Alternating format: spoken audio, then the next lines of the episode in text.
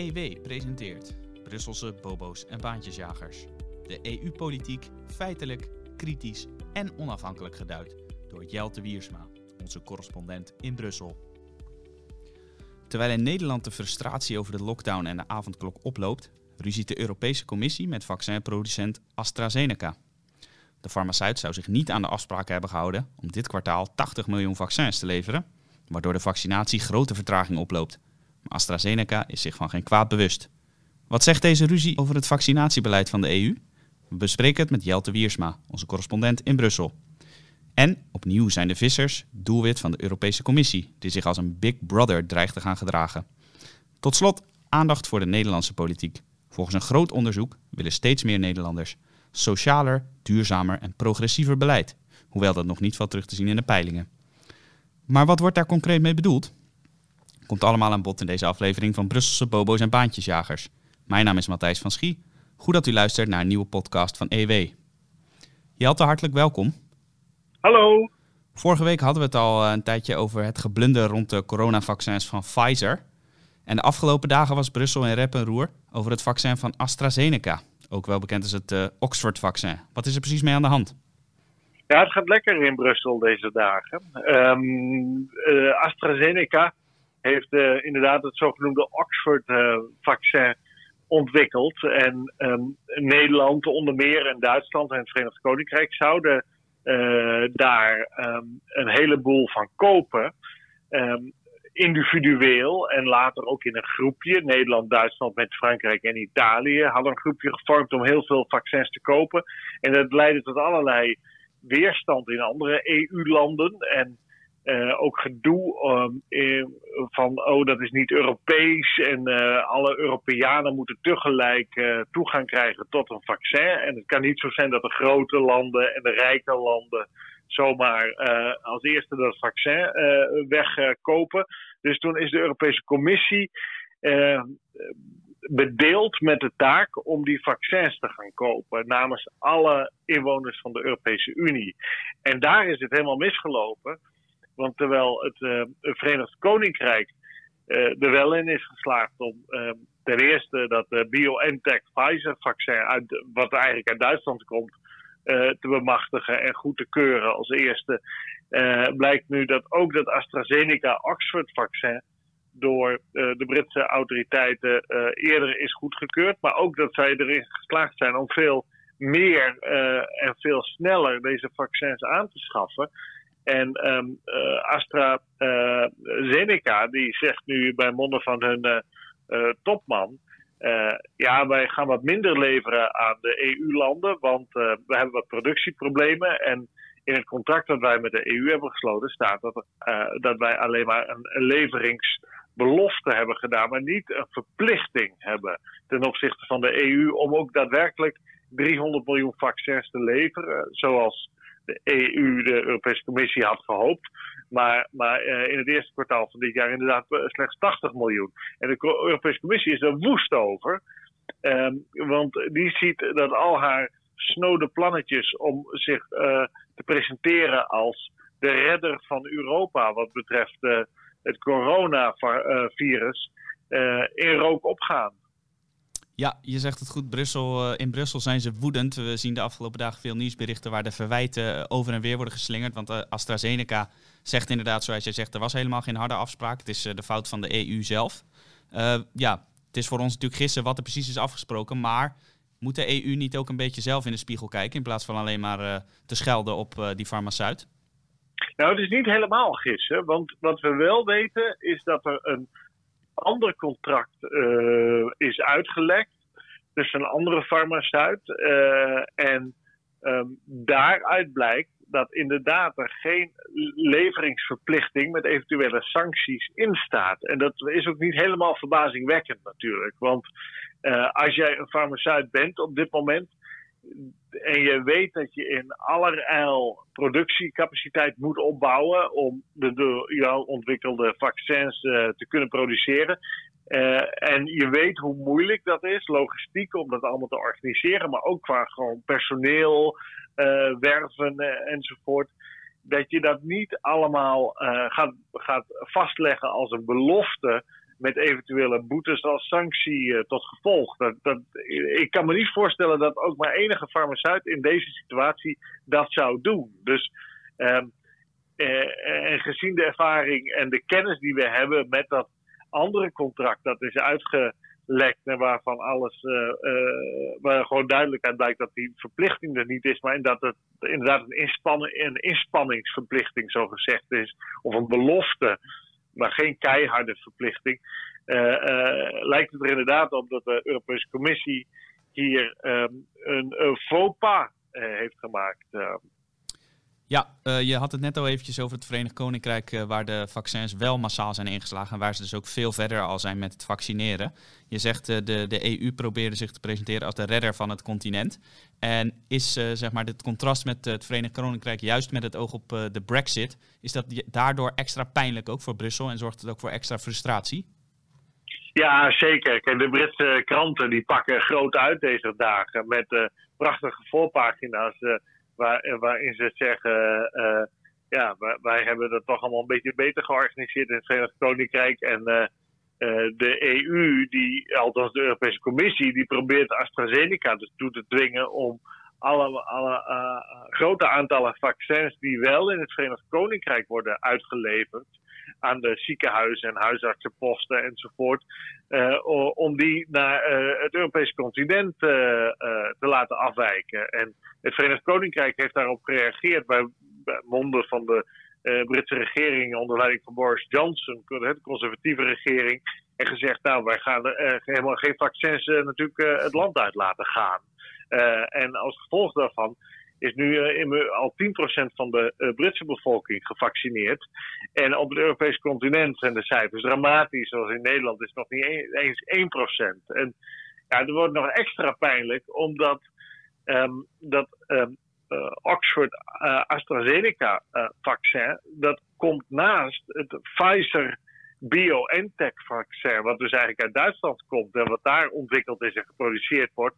En ook daar hebben de Britten en ook de Amerikanen en Canadezen een grote slag geslagen en gaan er vliegtuigen met vaccins vanuit Duitsland en de rest van de EU-landen, eh, zoals onder meer België, eh, eh, naar de Engelstalige niet-EU-wereld.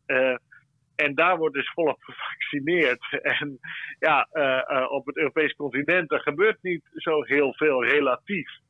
Uh, en je kan natuurlijk achteraf zeggen en ehm, feitelijk gewoon vaststellen dat op het moment dat het Verenigd Koninkrijk, Nederland en Duitsland en later Nederland, Duitsland, Italië en Frankrijk als clubje bij AstraZeneca op de deur stonden om die vaccins te kopen en grotere orders daar te plaatsen, en daar ook fors voor te betalen, uh, dat, uh, dat had gewoon door, door moeten gaan. Want dan waren landen zoals Nederland en Duitsland al veel verder kunnen zijn met het vaccineren. En dat is niet onbelangrijk, want hier zie je dus wat, waar de commissie fout gaat.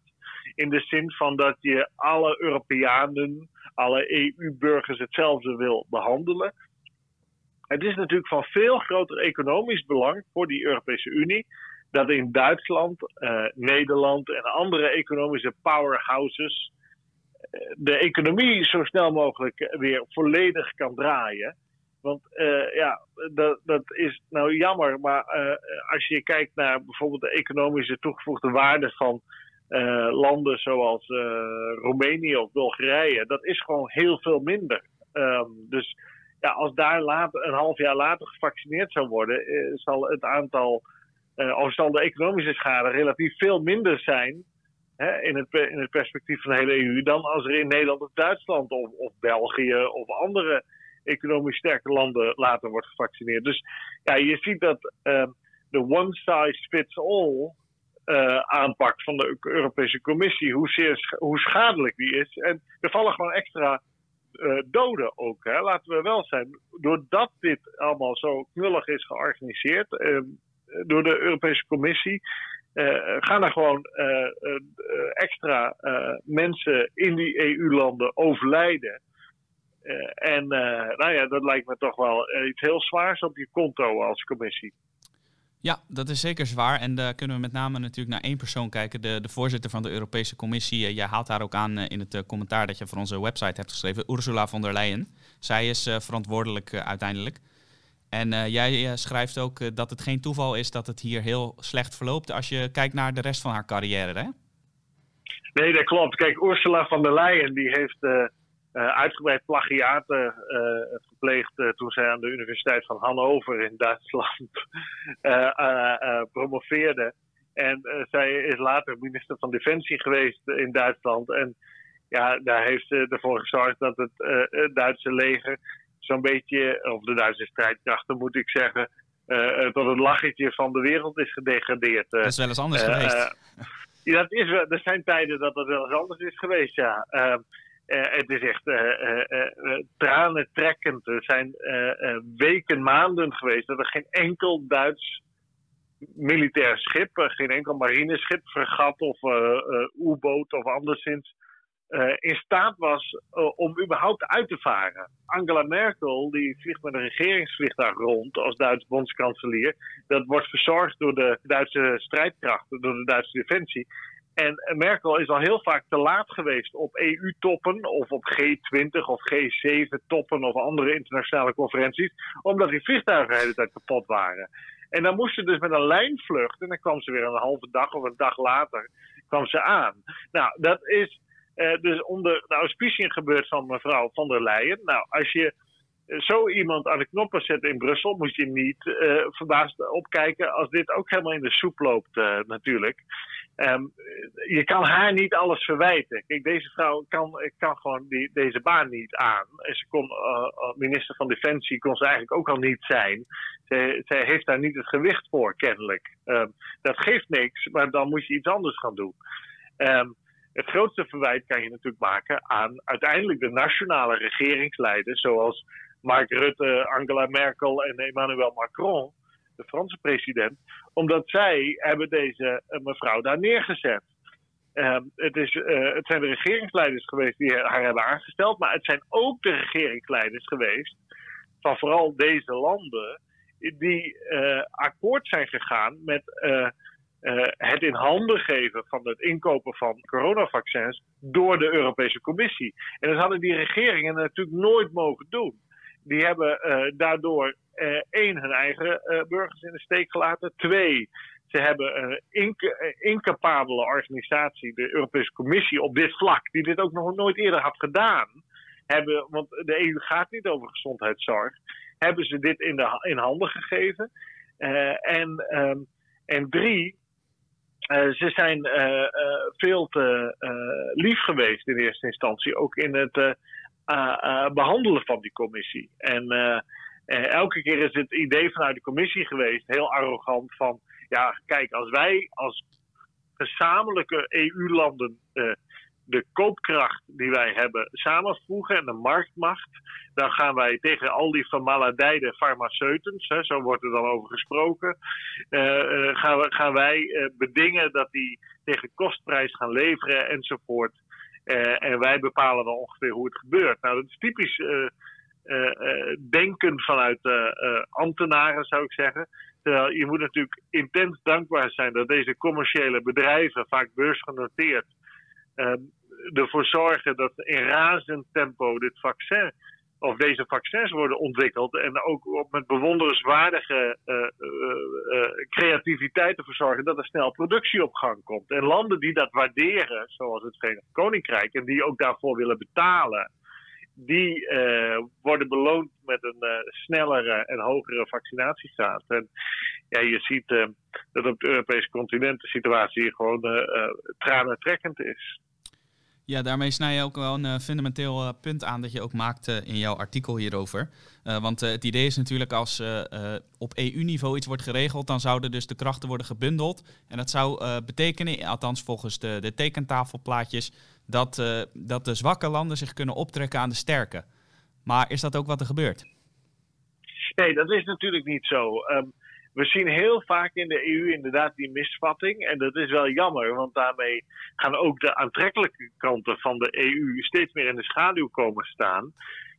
Waarbij er gedacht wordt Ehm, als we inderdaad alles maar in Brussel centraliseren, dan gaat het automatisch wel beter. Nou, dat is natuurlijk een misvatting. De Amerikanen die weten dat ook heel goed. Die hebben niet voor niks in hun grondwet hele scherpe onderscheiden gemaakt tussen wat uh, des staten is uh, in de Verenigde Staten en wat des Washingtons is, hè, op nationaal niveau wordt gedaan. Want daar, ook daar weten ze dat heel veel zaken kunnen gewoon veel beter op kleinere schaal worden georganiseerd. En je, je krijgt ook beleidsconcurrentie dan tussen regeringen die van elkaar leren. je krijgt niet dat elke, elke, elke regering um, hetzelfde moet gaan doen uh, aan de hand van Brusselse regels. Nee, je krijgt dat je allerlei verschillende aanpakken krijgt. En dan kan je dus ook uh, in de EU met 27 landen 27 verschillende aanpakken krijgen. Dan kan je ook kijken, hey, welke werkt het beste? Uh, en dan kan je dat van elkaar kopiëren. Um, maar ja, wat bij, bij de EU gebeurt. Um, en dat is vaak zo dat bij grote bedrijven met fusies en overnames gebeurt precies hetzelfde. Hè? Eh, dat is uh, 90% van de fusies en overnames leveren geen meerwaarde op, bijvoorbeeld voor aandeelhouders. 90%. En, uh, en de grote probleem is cultuurverschil. En dat zie je dus in de, in de EU ook. Dat, uh, ja, we, we, zien dus dat er geen meerwaarde op dit vlak is. De, terwijl daar wel eh, gedacht was in de EU-hoofdsteden, de nationale hoofdsteden moet ik eigenlijk zeggen, uh, dat die meerwaarde er zou zijn op dit vlak. Maar dat blijkt dus niet zo te zijn. En dan, nou ja, we hebben het natuurlijk gezien met de euro, waarbij dat eigenlijk ook het geval is. En we zien het op andere vlakken.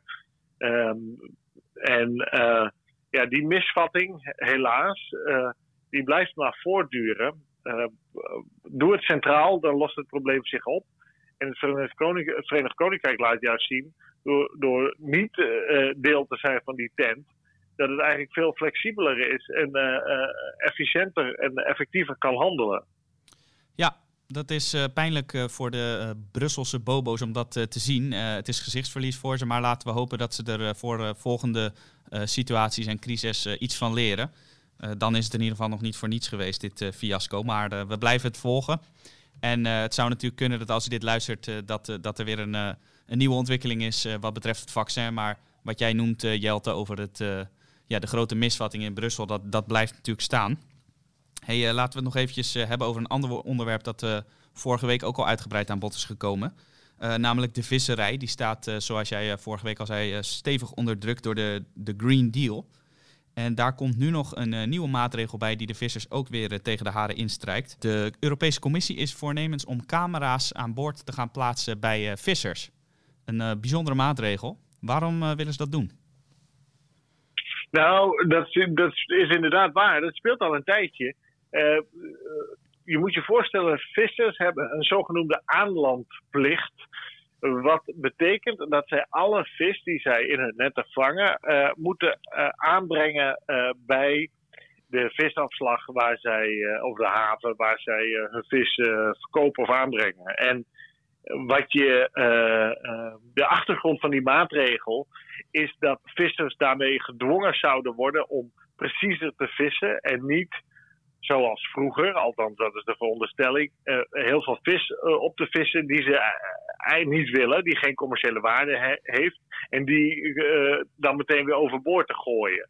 Dus eigenlijk om de vissers te dwingen heel precies alleen dat te vissen wat commerciële waarde voor hen heeft, en daarmee andere vissen die geen commerciële waarde hebben te beschermen, worden zij gedwongen de niet-commerciële, zeer aantrekkelijke vis ook aan te brengen. En dat noemen ze dan de aanlandplicht. Nou, eh, de commissie die zegt wij hebben aanwijzingen dat uh, deze aanlandplicht niet wordt opgevolgd. Dat er inderdaad toch vissen zijn die vis die zij niet kunnen verkopen overboord gooien. En dan de diesel, de, de stookolie uitsparen um, om deze niet-commerciële vis mee te nemen naar de wal. En, um, en natuurlijk ruimte in hun, uh, in hun uh, kotter. Um, deze controle daarop zou dan moeten worden gebeuren door deze camera's op te hangen op die viskotters of andere visschepen, trawlers enzovoort. Nou, dat is natuurlijk nog wel een aardige kwestie, want ehm, als jij permanent gaat filmen, bijvoorbeeld wat jij en ik aan het doen zijn, uh, terwijl wij achter onze computer een verhaal maken of iemand interviewen voor een reportage of anderszins. Of, uh, of als je de, de, de politieman of de bakker of zo ook constant wil gaan laten bespioneren van overheidswegen, omdat je niet vertrouwt dat die wel uh, juist opereren, dan kom je toch wel in een George Orwell-achtige samenleving terecht. En dan natuurlijk refereer ik aan de beroemde Engelse schrijver George Orwell, die, die het boek 1984, 1984 schreef, kort na de Tweede Wereldoorlog, waarin de, hij vooruitkijkt in de wereld een soort politiestaat is geworden met permanente camera's tot in mensen's woonkamer. Ehm, nou ja, dat is natuurlijk niet zo aantrekkelijk. Nee, inderdaad, zoals vele luisteraars ongetwijfeld weten, in 1984 is het inderdaad Big Brother die alles in de gaten houdt. En aan die Big Brother refereert ook Europese parlementariër Bert-Jan Ruijsen van de SGP. Hij zegt ook in jouw artikel van jouw vaste rubriek in Brussel de gedachte achter camera's aan boord is dat je de visserman niet vertrouwt en dat iedere visserman niet deugt. Terwijl de aanlandplicht onwerkbaar is. Vissen waar je niets mee kunt, moet je met je meesjouwen. Jij zegt, uh, zoals vorige week eh, besproken, dat de visserij een kaboutersector is in de EU. Maar toch lijkt het erop dat de Europese Commissie er toch nog best wel druk mee is. Terwijl het dus maar om een heel kleine sector gaat. Waarom is dat? Ja, dat is een goed punt. Nou, omdat ze erover gaan. Uh, dat is niet onbelangrijk natuurlijk. En um, wat je ziet is dat er ontzettend veel NGO's, heet dat dan, niet-gouvernementele organisaties. Dat zijn meestal kleine uh, en dan zelfbenoemde groene lobbyclubjes in Brussel rondlopen. En die hebben nogal wat invloed uh, daar aan de tafels. Uh, en die brengen dit elke keer naar voren. Die tippen ook de commissie over wat er wel en niet gebeurt. Um, dus dat, dat speelt wel een grote rol. En die willen uiteindelijk dat er gewoon een einde wordt gemaakt aan de visserij. Dat is het uiteindelijke doel. maar um, ja, we moeten zien of het doorgaat. Uh, uh, het is mogelijk dat dit gaat gebeuren. Er is een stemming geweest maandag in het parlement. Waarbij een, uh, in de eerste instantie een totaalpakket is afgewezen. Waaronder dat cameratoezicht. Maar er komen nog veel meer stemmingen waarin allerlei deelvoorstellen worden bekeken. En dan kan, waaronder cameratoezicht. En dat moet door de ministers van Visserij of Landbouw nog over gesproken worden. maar dit voorstel ligt al uh, sinds 2018 eigenlijk op tafel en blijft maar terugkomen.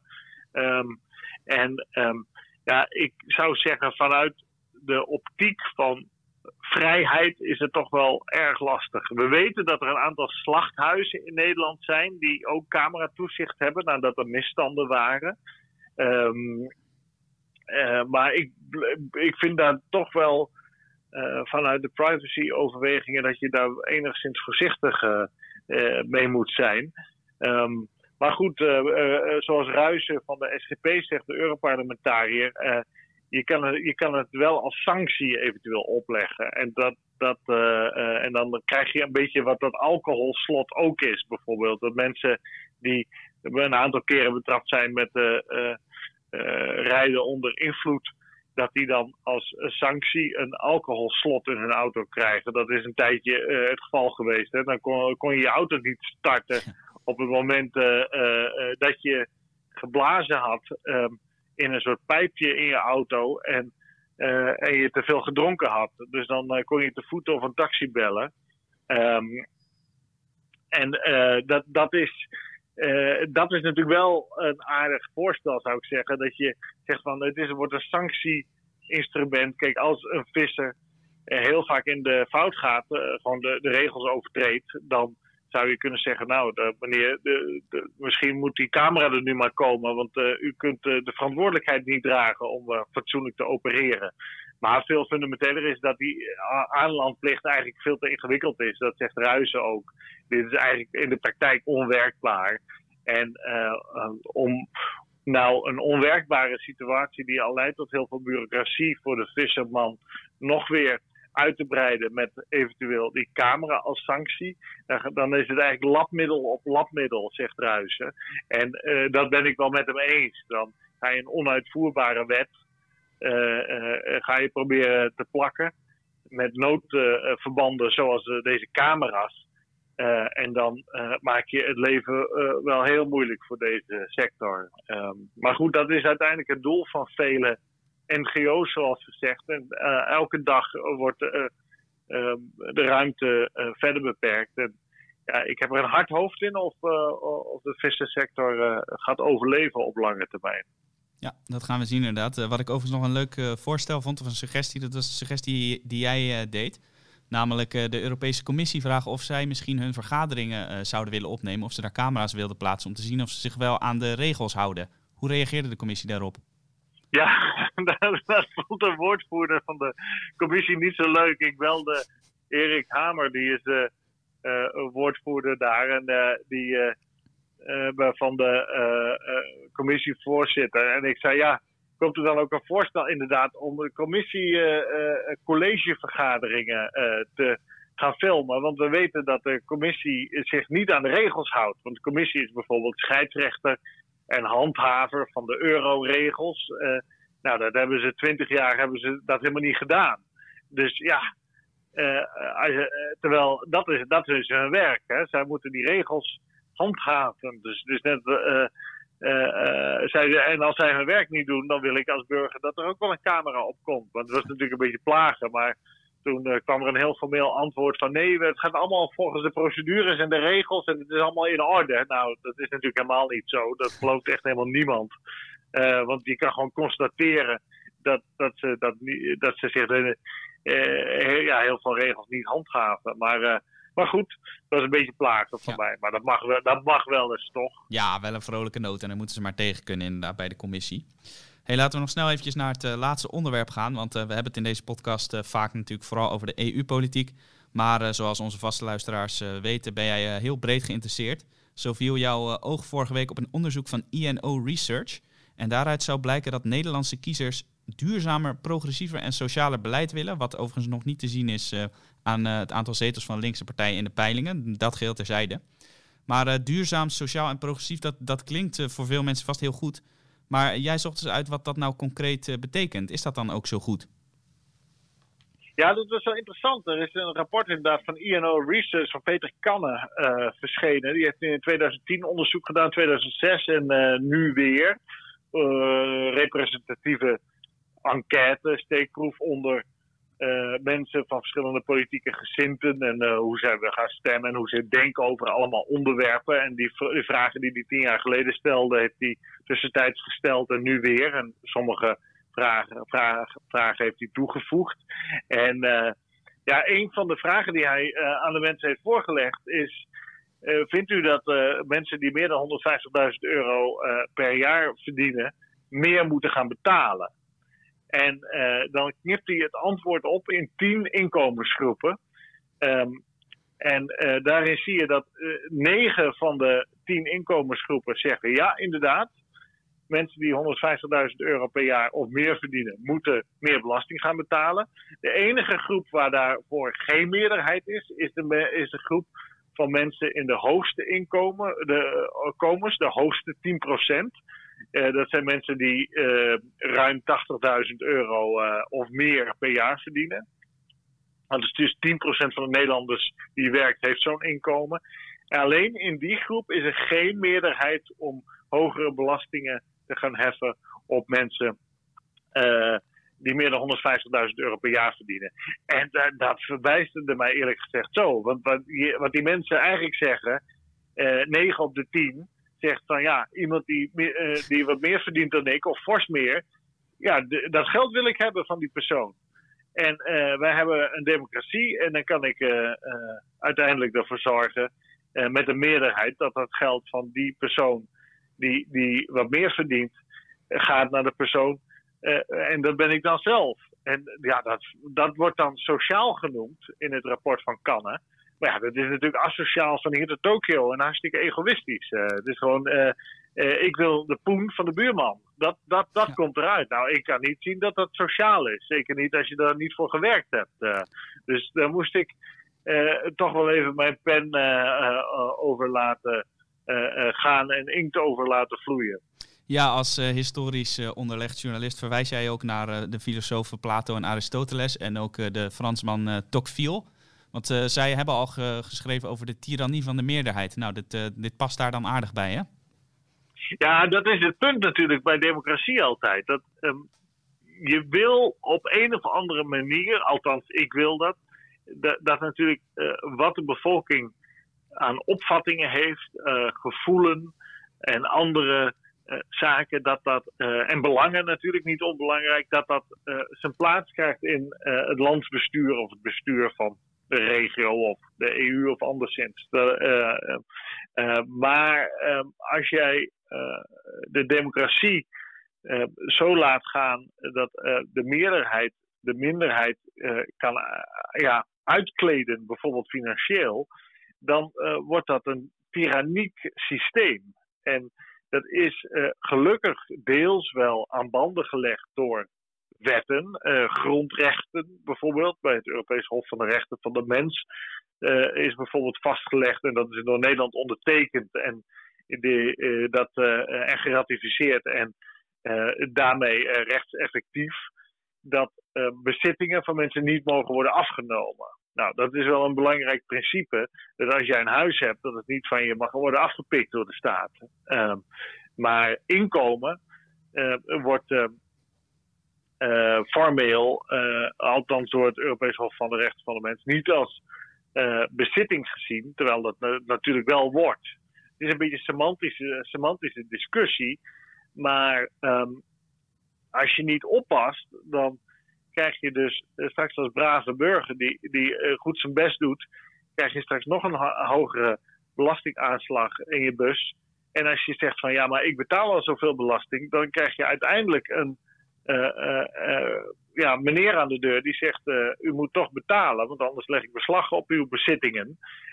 En als je zegt, ja, maar dat, ik wil niet betalen, want ik, ik doe de hele dag mijn best en mijn buurman doet niks. En ik wil mijn geld niet aan de buurman geven. En dan kunnen ze uiteindelijk die in de gevangenis stoppen. ja, en dus er zit een, het geweldsmonopolie, de dreiging van geweld zit daarachter. En dat kan ook niet anders, want anders kan een staat nooit belasting heffen.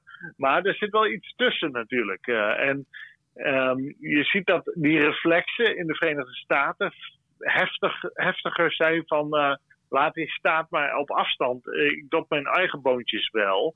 En je ziet natuurlijk ook in veel landen dat ja, mensen massaal belasting ontduiken. Want die, dan hebben we het over België, Frankrijk, Italië. Gewoon in de, onze de landen, Griekenland. Griekenland betaalde voor de eurocrisis maar 20.000 mensen belasting. 20.000 op een bevolking van zo'n 10 miljoen. Dus daar zie je dat, dat um, dat enthousiasme daar wel enigszins getemperd wordt. Maar hier in Nederland is het dat is zo'n in en in democratisch land. In de zin van ja, we moeten het allemaal gaan herverdelen en zo. Um, daar um, heb ik wel enige kanttekeningen bij en enig bezwaar bij eerlijk gezegd. Want ik kan heel goed beslissen met mijn geld wat ik er zelf mee kan doen. Eh, dat is een mooie afsluiting. Daar zijn wij eh, bij EW inderdaad erg voorstander van om burgers zelf te laten beslissen. En zoals jij het mooi eh, verwoorden, de staat op een gezonde afstand te houden. Nou, we gaan in ieder geval de komende weken, maanden zien of er bij de Tweede Kamerverkiezingen veel steun is voor dit soort maatregelen. En uiteraard houden we ook de Brusselse politici goed in de gaten en bespreken wij dat elke week weer in deze podcast. Dit was het weer voor vandaag. Hartelijk dank, Jelte. Graag gedaan. U ook hartelijk dank voor het luisteren. Alle goeds gewenst en graag tot de volgende keer. Hartelijk dank voor het luisteren naar de podcast van EW. Wilt u niets missen? Abonneer u dan in uw favoriete podcast-app, bijvoorbeeld Spotify of iTunes, door te zoeken op EW. U kunt ook luisteren op onze site via ewmagazine.nl/podcast.